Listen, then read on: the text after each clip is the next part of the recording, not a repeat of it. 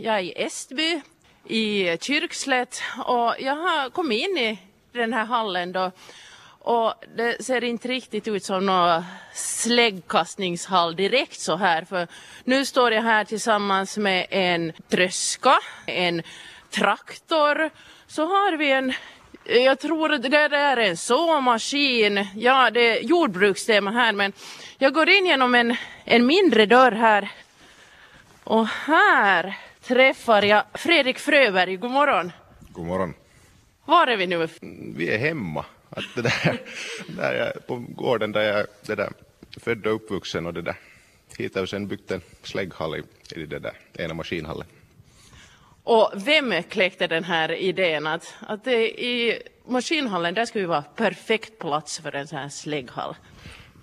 Det minns jag inte. Jag tror nog det var jag som började skämta om det för många år sedan. Och sen det där var det nog alltid med med mellanrum hitta, sa jag någon plats där, här skulle man ju kunna bygga, här skulle man ju kunna bygga. Och sen det där, sen mitt i allt bara så var det inte mer ett skämt och sen började det hända. Så det där, så gick det. Men om vi då funderar på det här, alltså det här är en, här är en Ja, berätta lite, vad ser vi här? Det enda jag känner igen så där på direkten är, är madrasser där på golvet. Alltså, här är då en presso som hänger från taket dit man kastar. Alltså det är en, en ram i golvet, vanligt betonggolv där, där man liksom har ringen och så är det nog en ganska simpel konstruktion utifrån att man kastar från golvet rakt in i presson och så kan man kasta hur mycket man vill. Men finns det inte då risk, alltså den här presenningen finns ja, någon meter från den här själva ringen. Är det inte risk att, att den studsar och, och, och kommer på en? No, hittills har det inte varit att den är byggd så att det inte skulle, inte skulle det där hända. Men nu är man ju nära. Att det är ju den här takhöjden kommer lite emot. Att skulle man vara, ha högre till tak skulle man kunna vara längre bort ifrån. Men, men det där, hittills har det nog inte hänt något och inte borde hända heller. Det här är ju nog ett tecken på att man faktiskt satsar på det där med slägga. Uh, är det bara du som ska använda den här slägghallen eller, eller hur är det? Nej, nu är vi det där, den där gamla, äh, en träningsgrupp som jag tidigare tränade med före jag det där flyttade till Jyväskylä så de använder den så de är trikastare och sen får nu vem som helst stanna och komma och kasta om man bara vill att det är bara att ringa och fråga så är man välkommen. Så du är Jyväskylä, du studerar där till, till gymnastiklärare. Då betyder det ju att du inte använder den så det är jättemycket, eller? No, alltså nu de här första vintrarna så kommer det ju vara lite mindre i och med att jag då bor dit och studerar och tränar där. Men de andra använder den nu och, och i bästa fall så kastar jag ännu när jag är 40 och den ska nog hålla ihop till det åtminstone. Så. Man måste ju alltid satsa på det där med säkerheten också. Här finns här staket. Uh, hur, hur mycket har du funderat på det när, när ni har byggt upp det här? Alltså säkerheten är ju viktigaste i och med att en sån här 20 kilos slägga om man får den på foten eller huvudet så, så det där slutar det illa. Att, att det är nog liksom både med pressorna och med de här järnstaketen så är det liksom att man bygger det utifrån det, att det inte ska kunna hända något. Och sen om man ser någon svaghet så förbättrar man. Mm. Och så finns här faktiskt eh, plats för en åskådare också. Här är en sån här liten fåtölj bakom ett sånt här staket. Är det här liksom, finns till för att, att någon ska få beundra när, när du kastar? Jo, att det där, tränaren kan stå där rakt bakom för det lättaste teknikråd där och, och det där varje seriös träningshall har en soffa eller en fåtölj tycker jag så. Kanske det här är då orsaken till att, att du blir liksom den här bästa släggkastaren i hela Finland. Vad är ditt mål då? No, alltså, det är att bli bäst och få en stor hög med värdetävlingsmedaljer. Men jag klåpar ganska mycket under junioråren, att jag var skadad en hel del. Så, så nu är det att från år till år det där bygga upp formen och se hur långt, hur långt man kan, det räcker när jag är nu lite sen jämfört med motståndarna. Att det, där, det är liksom målet. Att inte har jag nog liksom ett, ett OS-guld för jag gärna två om liksom. Så, sån där tydlig gräns har jag aldrig satt. Att där, Oho, så pass? Att det där, jag, jag liksom gör så gott jag kan och ser hur långt det räcker. Okay. Alltså ditt resultat 64 och 75 räckte i fjol till en 14 plats på Finlands topplista. Är det, här, är det här ett bra resultat tycker du?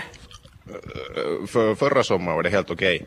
Men det där, om man nu ser vart jag vill vara så inom några år ska det nog vara 10-15 meter längre åtminstone. Och nästa år borde det stiga med en 3-4 meter den där, den där grundnivån. Jag är alltså i Esby i Kyrkslätt just nu i en, ja, det är egentligen en maskinhall, men här kastas det slägga. Eh, kan du berätta lite om så här, i övrigt möjligheter att kunna kasta slägga inomhus? Här ska vi säga från Kyrkslätt västerut, finns det en sån möjlighet?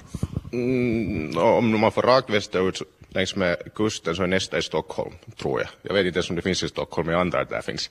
Att det, det finns inte, att de är, det finns några, en par i huvudstadsregionen, men det där, där är lite strul med två turer och, och sen norrut så är det Nurmijärvi, tror jag är närmast.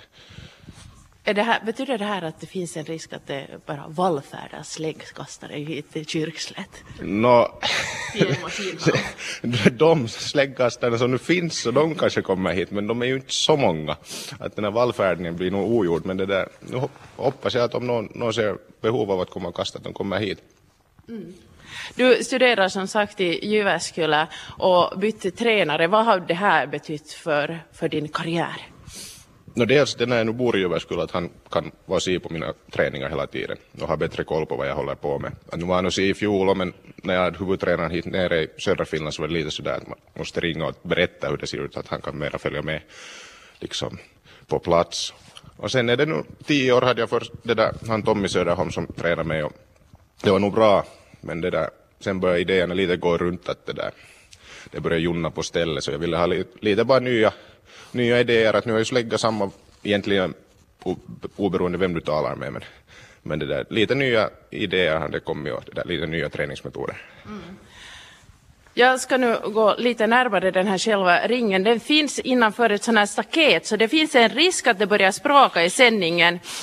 Här har vi alltså själva ringen. Nu står jag mitt i den. Men jag tror att det är nog så kallt här i alla fall. Och någon uppvärmning finns det faktiskt inte så jag vågar mig inte på att, att pröva någon av de här släggorna som finns här på golvet.